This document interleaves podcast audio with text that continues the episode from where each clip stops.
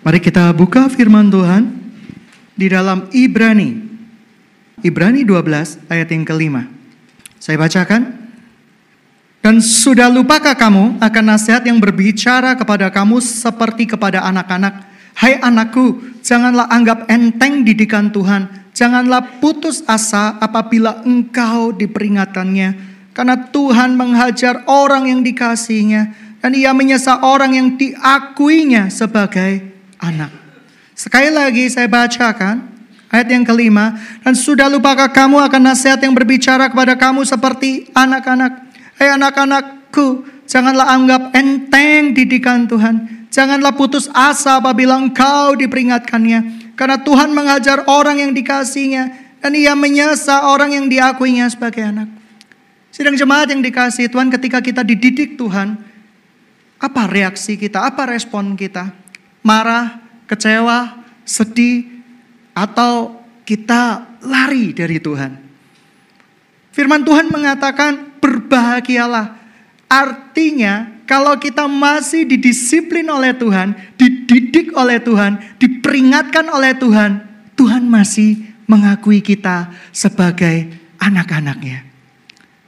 Ketika penyembahan, siapa yang jatuh cinta sama Tuhan angkat tangan? Siapa yang jatuh cinta? Kamu yakin kamu jatuh cinta sama Tuhan? Penyembahan, kalau kita bertemu dengan orang yang sangat kita cintai, kita akan mengatakan kepada orang yang kita cintai adalah, aku sayang kamu, I love you. Penyembahan adalah sesuatu yang pribadi, cinta kita kepada Tuhan. Oleh karena itu, sangat janggal.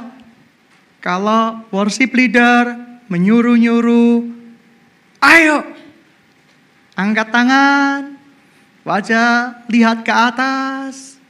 Jatuh cinta kok disuruh-suruh. Kalau kita jatuh cinta, kita nggak usah disuruh. Pernah nggak punya suami yang ngasih kembang pun disuruh-suruh? Mengerikan kan? Mengerikan. Eh suami, kamu cinta nggak sama aku? Cinta. Ayo beli no kembang, beli no ini dan itu. Wah, saya rasa cinta yang seperti itu bukan cinta. Contoh, seorang anak kepada ayahnya. Ayahnya berkata kepada anaknya, kamu sungguh sayang sama papa. Sayang pak, kalau kamu sayang sama papa, ciuman papa, pelukan papa. Pertama mungkin tidak apa-apa ya. Kedua seperti itu. Ketiga seperti itu. Lama-lama papanya ragu. Ini cinta beneran atau cuma di bibir? Saya paling marah kalau anak saya yang ketiga itu, kamu sayang sama papa? Sayang, tapi dia main tap. Dia cuekin. Sayang. Pertama nggak apa-apa. Kedua nggak apa-apa. Ketiga saya ngambek. Kamu bener nggak saya cinta sama saya? Nah, sejak saat itu dia letakkan tap dan selalu peluk saya. Cinta itu butuh pengorbanan. Jatuh cinta itu adalah hubungan pribadi yang tidak bisa dicampuri oleh orang lain. Oleh karena itu ketika kita jatuh cinta kepada Bapa Surgawi, harusnya menyembahnya itu antara pribadi dengan Tuhan. Sidang jemaat yang dikasih Tuhan, gereja ini melalui perjalanan yang berliku-liku. Gereja ini bukan gereja yang kaya. Ayat jasmani di gereja ini tidak bisa menyediakan ruangan yang full uh, eh, AC yang begitu bagus, uh, bangku yang begitu sempurna, pemain musik yang hebat-hebat, tidak bisa. Di dalam perjalanan gereja ini ada yang tidak ke gereja lagi. Ketika ditanya, kenapa nggak ke gereja? Aku tidak menikmati penyembahannya. Satu kali ketika saya berdoa sama Tuhan, saya merasa tertuduh dan terpana. Saya bermimpi, dan waktu itu Tuhan berkata seperti ini. Apa yang sudah kamu lakukan di gereja ini? Tuhan, saya sudah seperti ini, sudah seperti ini, dan sudah seperti ini Tuhan. Tapi kurang Tuhan. Gereja ini begitu lemah Tuhan. Worship leadernya kadang salah-salah nada Tuhan. Harusnya kunci C, dia kekunci surga Tuhan. Orang yang nggak bisa menikmati Tuhan. Nggak bisa menikmati. Banyak orang yang ketika ditanya kenapa nggak bergereja. Karena aku nggak menikmati pujian dan penyembahan. Tuhan tersenyum. Lalu saya berkata lagi, musiknya Tuhan. Musiknya ini kacau Tuhan. Kadang Tuhan, saya pingin bicara Tuhan, tiba-tiba mic-nya mati. Kami nggak punya cukup uang untuk membeli mic yang mahal-mahal Tuhan. Kemarin saya tanya harga satu mic 8 juta. Kami nggak punya Tuhan. Mending dibuat untuk misi, mending untuk dibuat pelayanan. Dan mic yang saya pakai ini mic KW Tuhan. Ya kan? KW bagaimana ini bisa menyenangkan hatimu Tuhan. Sudah Tuhan, saya melayani ya sebisa saya saja. Di dalam doa dan di dalam mimpi saya bersedih sekali. Tapi satu hal, Tuhan tersenyum, ada orang-orang di mimpi saya yang berkata, bertanya kepada saya.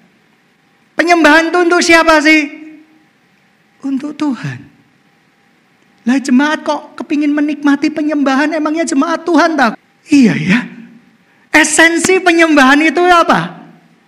Siapa yang berhak menikmati penyembahan? Siapa yang bilang jemaat angkat tangan? Tuhan. Yang berhak menikmati penyembahan adalah Tuhan. Lalu kalau ada orang yang berkata penyembahannya nggak enak, emangnya kamu Tuhan? Mengerti maksud saya? Penyembahan itu untuk Tuhan. Penyembahan itu pure untuk Bapa kita di surga. Dan ia yang menilai penyembahan kita. Dan di mimpi Tuhan berkata, aku sangat menikmati penyembahan anak-anakku. Hah? Seringkali pikiran kita terlalu dipatok dengan kekristenan yang materialistis. Kalau worship leadernya menuntun sambil menangis-nangis, keluar air mata di mata dan keluar air dari hidung. Itu namanya menikmati hadirat Tuhan turun. Kalau indikator hadirat Tuhan turun adalah air mata dan air hidung, kita sedang flu, Tuhan ada di sana. Kenapa? Mata kita ya keluar air mata. Kalau indikatornya adalah air mata dan air hidung, ya diculek aja singernya supaya nangis. Dan itu hadirat Tuhan akan turun. Sidang jemaat yang dikasih Tuhan. Seringkali kita menghakimi sebuah gereja, sebuah kegeraan yang sebenarnya yang pantas menilai adalah Tuhan. Di mimpi saya disadarkan. Apakah Tuhan menikmati? Hei, belum tentu. Worship leader yang nangis-nangis. Yang jemaat semuanya berlutut, bersimpu. Tuhan hadir, belum tentu. Belum tentu. Karena yang menilai penyembahan bukan kita. Bukan manusia, tetapi Tuhan. Ketika bangun itu saya buka ayat. Muncul satu ayat. Ketika Tuhan Yesus sedang di bait suci. Ia melihat ada dua orang. Yang satu kaya raya mempersembahkan persembahan di bait suci itu. Dan satu adalah janda miskin yang mempersembahkan uangnya. Dan Tuhan berkata pada muridnya, lihatlah Sesungguhnya apa yang diberikan janda itu jauh lebih besar apa yang diberikan orang kaya itu. Muridnya bingung. Tuhan, orang kaya itu memberikan mungkin mobil Mercy Tuhan. Mungkin emas satu kilo Tuhan. Bagaimana engkau bisa berkata bahwa engkau lebih menyukai janda miskin ini Tuhan. Manusia melihat sesuai dengan dunia lihat. Tapi Tuhan melihat dari hati. Tuhan tidak melihat dari dunia. Dan saya terbangun dengan disegarkan kembali. Yes. Kenapa? Yang menikmati penyembahan adalah Tuhan. Yang tidak ke gereja gara-gara ingin menikmati penyembahan. Berarti ia ingin jadi seperti Tuhan. Dan firman Tuhan mengatakan, Aku adalah Tuhan satu-satunya, Allah satu-satunya, tidak ada lagi Allah lain seperti aku. Artinya apa? Artinya kalau kita berusaha menyamai menjadi Tuhan, kita nggak layak masuk dalam kerajaan surga. Kita disebut dengan penyembah-penyembah yang palsu. Kau datang ke gereja karena apa? Gereja ini berkumpul bersama-sama di dalam satu visi, satu kerinduan menjadi jemaat yang rasuli, rahmani, dan rajani. Rasuli apa? Artinya apa? Injil itu harus diberitakan ke ujung-ujung bumi. Injil yang sejati harus diceritakan. Begitu banyak Injil yang palsu yang bukan bersumber pada firman Tuhan yang mengantarkan mereka ke Yesus yang palsu. Kita disebut kawanan yang kecil, tetapi kita rindu kebenaran ini diceritakan ke anak cucu kita. Anak cucu kita sekarang lebih suka mendengar konser-konser musik.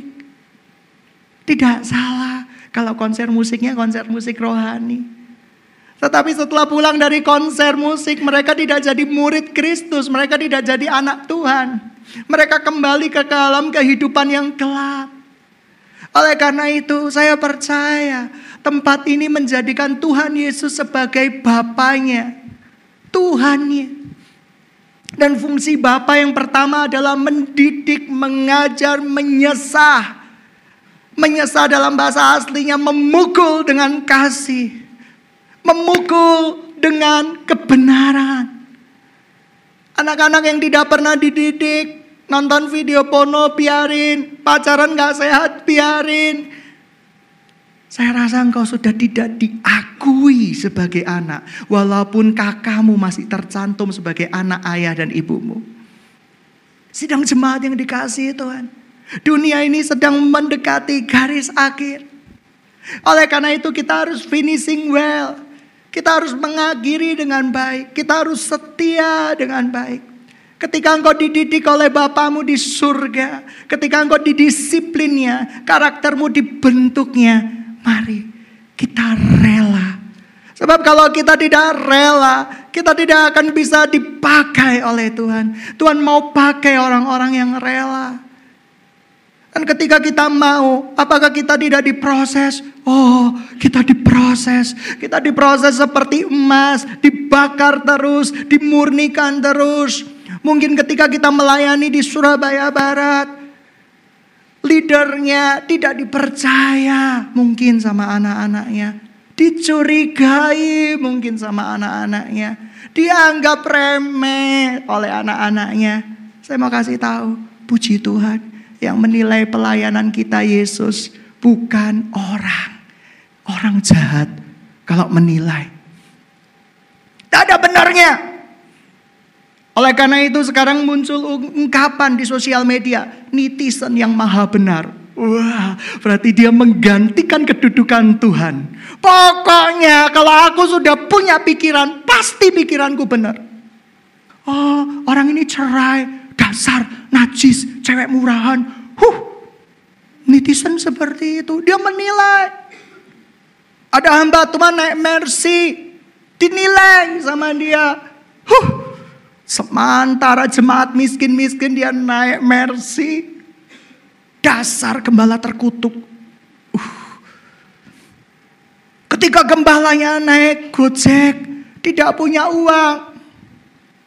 Netizen menyoroti gaya hidupnya. Kok naik gojek sih? Bagaimana dia bisa mengajarkan kebenaran firman Tuhan, tapi hidupnya masih miskin seperti itu? Ampun deh. Kalau zaman dahulu ada sosial media, saya percaya Rasul Paulus akan dibully habis-habisan. Kok Rasul sih? Matamu loh hampir buta. Sembuhkan dulu matamu. Rasul Paulus kan matanya hampir buta. Aku gak percaya sama kamu. Oleh karena itu, Rasul Paulus dengan statementnya berkata, kalau pemberitaan firman ini masih tertutup juga, aku cuci tangan. Sudah. Sidang jemaat yang dikasih Tuhan. Hubunganmu dengan Tuhan. Yang menilai Tuhan, bukan engkau. Bukan sesamamu. Oleh karena itu, kalau engkau menyembah Tuhan, kamu gak usah lihat kiri kanan yang menilai engkau adalah Tuhan. Engkau jatuh cinta sama Tuhan, ekspresikan apa pun ekspresimu. Mungkin orang yang sanguin kok lompat-lompat gitu ya. Mungkin orang yang melankolis, tanganmu terlipat dan menangis. Mungkin orang yang kolerik, ambil pedang, ambil pisau, pokoknya menari buat Tuhan di depan. Tidak peduli, tidak peduli.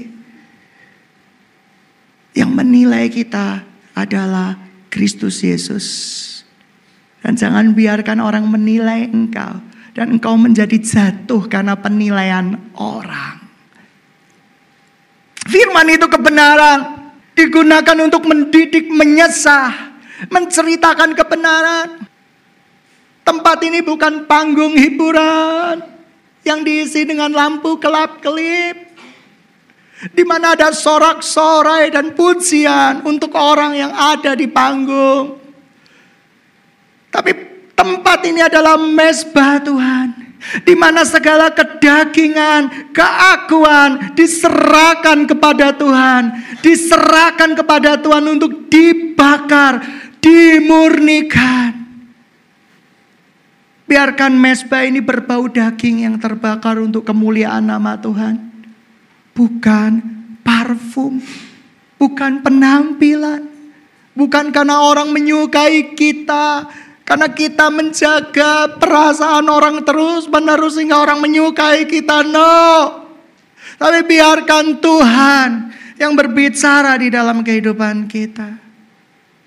Yang pertama, Bapa adalah Bapa yang mendidik dan Bapa yang menyesah anak-anaknya. Kita baca surat Yohanes yang ketiga, pasal yang pertama, ayat yang keempat. Bagiku tidak ada sukacita yang lebih besar daripada mendengar bahwa anak-anakku hidup di dalam kebenaran. Senang sekali. Engkau ayah dan ibu lebih suka mana? Anakmu melakukan prinsip kebenaran firman Tuhan, mengasihi orang tuanya, menghormati orang tuanya, tapi menurut ukuran dunia kurang sukses. Tapi bagi Tuhan, anakmu sangat sukses. Atau pilih kedua, anakmu naik mobil mewah, tapi melupakan engkau, meninggalkan engkau, tidak mencintai engkau lagi. Apakah engkau bisa berbangga dengan kesuksesan mereka? Anda? Tidak ada yang lebih membahagiakan kalau anak-anak kita hidup di dalam kebenaran. Hidupku karena engkau, hidupku karena firmanmu, hidupku karena perkataanmu, bukan kata orang lain.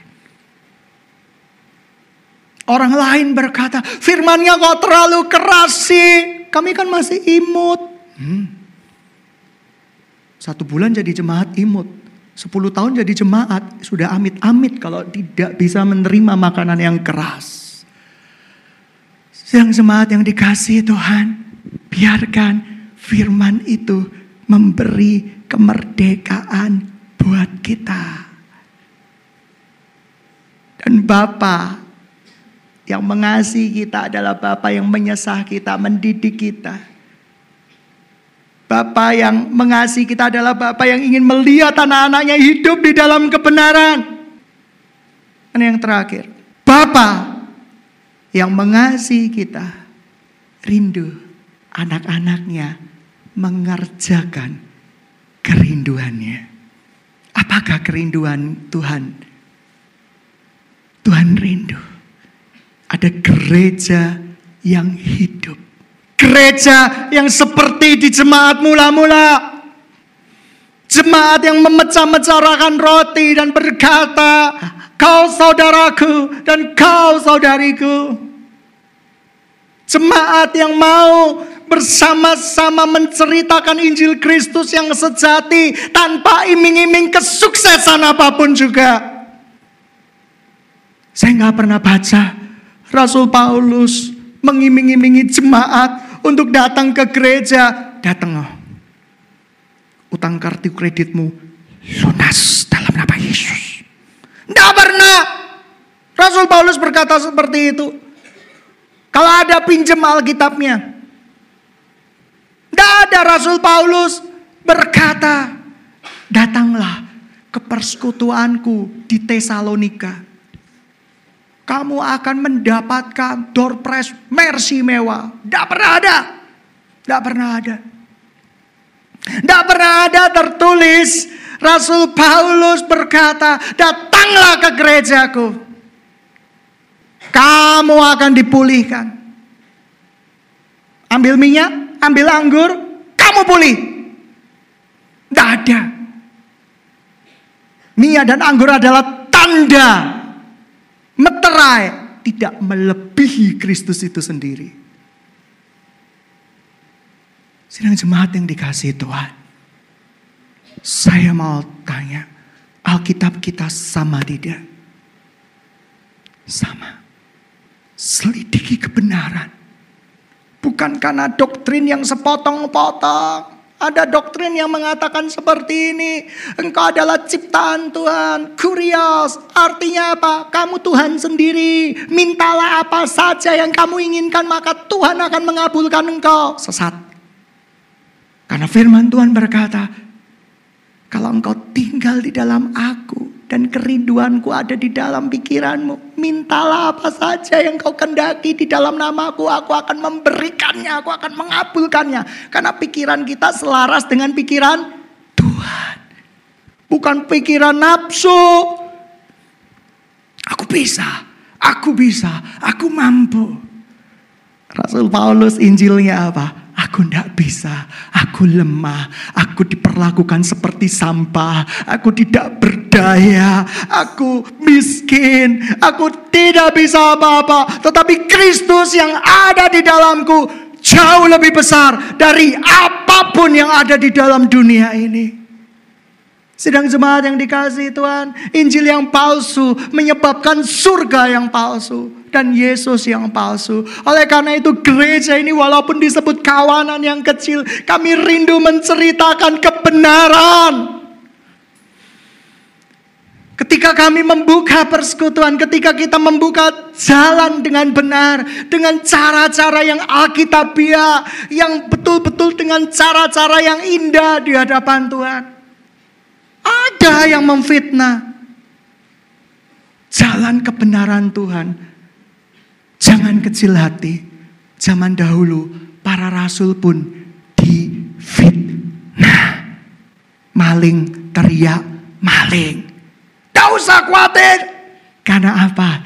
Yang menilai engkau Yesus. Bukan orang lain. Bukan bisa-bisanya kita. Ketika itu menguntungkan gereja kita, maka kita berkata, iya ini dari Tuhan. Ketika nggak menguntungkan gereja kita, kamu jangan begitu. Ini bukan dari Tuhan. Itu namanya gereja suka-suka lo. Sedang jemaat yang dikasih Tuhan. Kerinduan Bapa sama anak-anaknya. Dan apa kerinduanmu sama Tuhan? Satu hal, yang saya rindu. Menyenangkan hati Tuhan. Saya mau semua sidang jemaat di tempat ini masuki surga yang asli, surga yang benar, surga yang dijanjikan oleh para nabi. Kita hidup bersama-sama di dalam keluarga Allah, keluarga Kristus. Saya rindu jemaat ini finishing well, mengakhiri segala sesuatunya dengan baik dan benar. Saya rindu jemaat ini hidup di dalam kebenaran. Saya rindu kita walaupun daging ini begitu menggoda, gadung ini bisa menggagalkan kita, tetapi kita tetap bangkit karena kita mata kita senantiasa melihat Tuhan kita. Di proses Tuhan itu indah. Ada orang yang statementnya gini, kita kan bukan malaikat, kita kan masih manusia. Itu statement ngawur itu.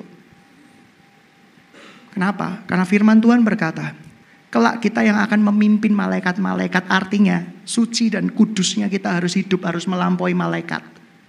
Loh kita akan memimpin malaikat-malaikat loh. Baru tahu, tak kasih tahu sekarang. Kamu akan memimpin malaikat-malaikat. Oleh karena itu jangan rendahkan dirimu dengan berkata, aku kan bukan malaikat. Eh tapi kamu manusia yang sudah ditebus oleh Tuhan dengan darah yang mahal. Dan darah itu membersihkan dosa-dosamu. Dan darah itu menguatkan engkau.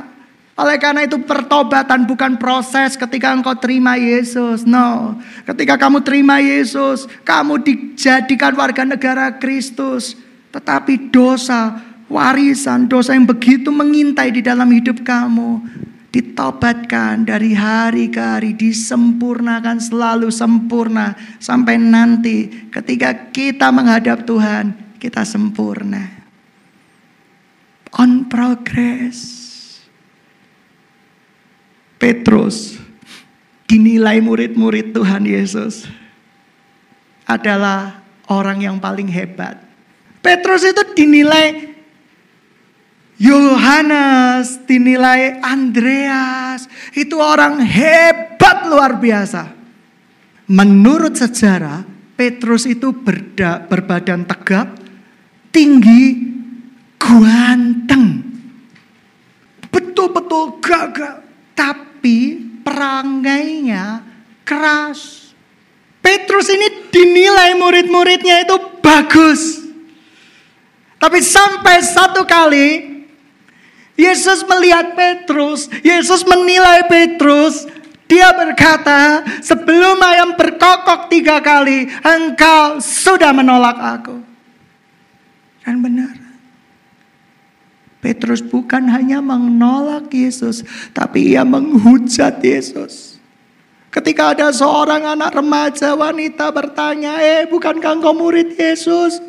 Bukan. Terkutuklah Yesus. Siapa Yesus itu? Gak tahu. Oleh karena itu, ketika di kebangkitannya, di kebangkitan Tuhan Yesus, yang pertama-tama ia temui adalah murid-muridnya. Dan ia tidak memanggil satu persatu nama murid-muridnya. Kecuali nama Petrus. Kenapa? Petrus mengintip ketika Yesus datang menemui murid-muridnya. Karena ia merasa dia bukan murid Yesus. Dia sudah menyangkali Yesus. Tapi apa yang terjadi? Yesus panggil Petrus. Saya tahu itu adalah suara yang paling berbahagia di muka bumi ini.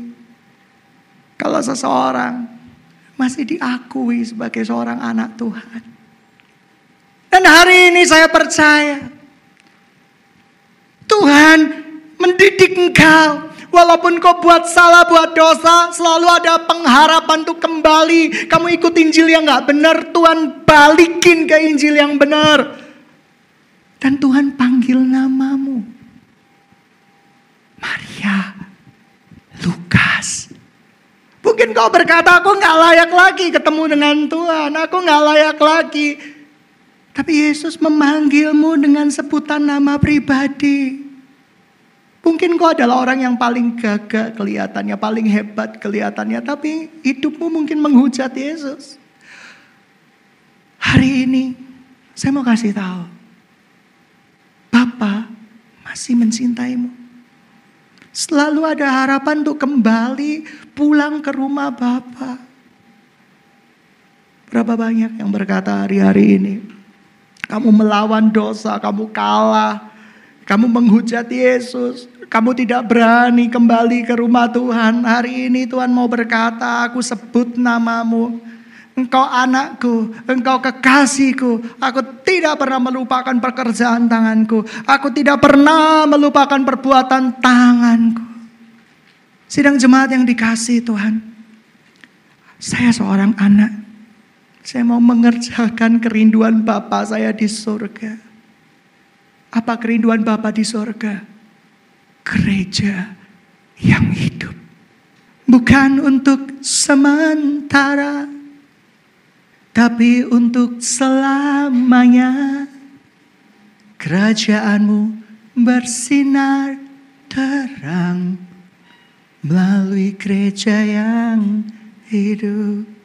Saya rindu Gereja ini menjadi gereja yang hidup, gereja yang bangkit, gereja yang menjadikan amanat Kristus adalah satu-satunya di dalam hidupnya. Saya rindu Indonesia mengalami the great revival. Sudah setelah mengalami great revival aniayan, tidak apa-apa aniayan. Siap, harus siap. Sekarang siap nggak? Kena pisau aja hebohnya setengah mati. Pergi ke dokter spesialis bedah padahal cuma kena goresan silet loh. Hebohnya setengah mati, apalagi kalau dianiaya nanti. Kasih tahu ya, kasih tahu. Pada waktu kamu menghadapi aniaya, engkau akan diberikan kekuatan. Gereja ini tidak mengajarkan siapa yang mau bebas dari aniaya, angkat tangan. Tidak Alkitabiah. Karena Yesus berkata, murid-muridku harus mengalami penderitaan yang sama dengan aku. Baca. Seorang murid-murid ketika dia bertemu dengan Paulus Saulus, dia berkata seperti ini, engkau akan membayar harganya, engkau akan membayar harganya karena engkau menyesal aku. Tapi aku lakukan semuanya itu supaya kamu mengenal aku. Luar biasa. Siapa yang mau masuk dalam rencana Tuhan? Angkat tangan. Siapa yang mau masuk penganiayaan? Berapa banyak jemaat yang sudah berubah? Berapa banyak jemaat yang masih suka terjebak di dalam chat-chat seksual? Aplikasi chat-chat seksual. Instagram yang pornografi. Berapa banyak?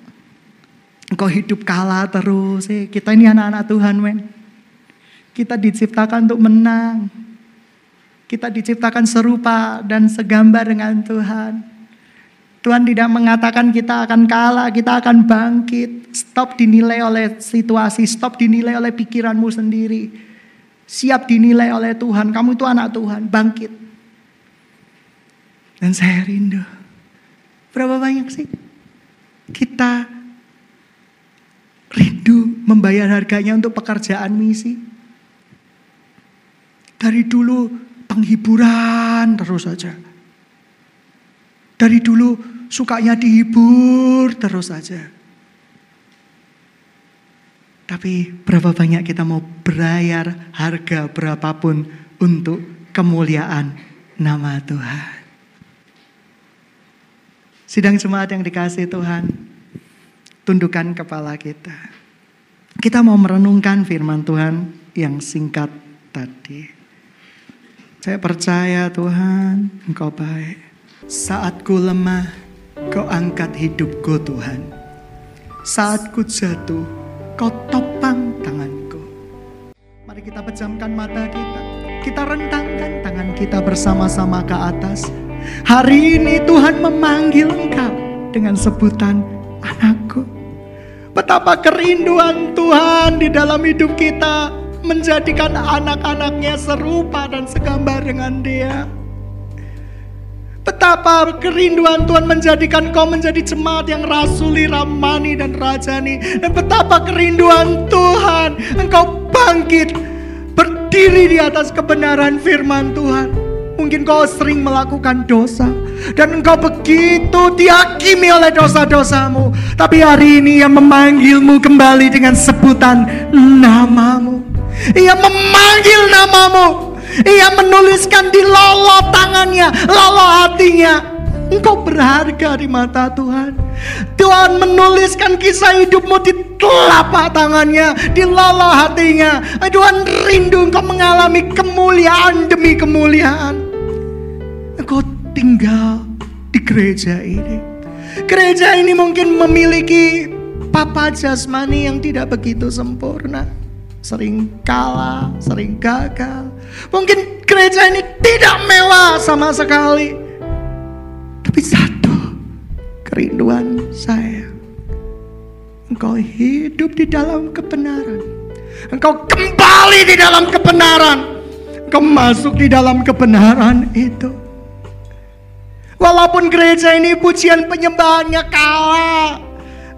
Beberapa orang keluar dari gereja ini karena apa? Karena aku nggak menikmati pujian penyembahannya. Beberapa orang mungkin tidak suka firmannya terlalu keras. Aku rindu yang hibur-hibur aku terus. No, saya hanya menceritakan kebenaran firman Tuhan. Dan apa pun yang terjadi, saya mau menyenangkan Bapak saya. Tapi engkau adalah anak-anak Tuhan yang dikumpulkan bersama-sama di gereja ini, yang mau bangkit bersama-sama, yang tahu bahwa Injil yang sejati harus diceritakan ke ujung-ujung bumi dan kebenaran Tuhan yang akan memerdekakan kita. Percayalah, ketika kita anak Tuhan, saat kita lemah, Tuhan tuh angkat tangan kita.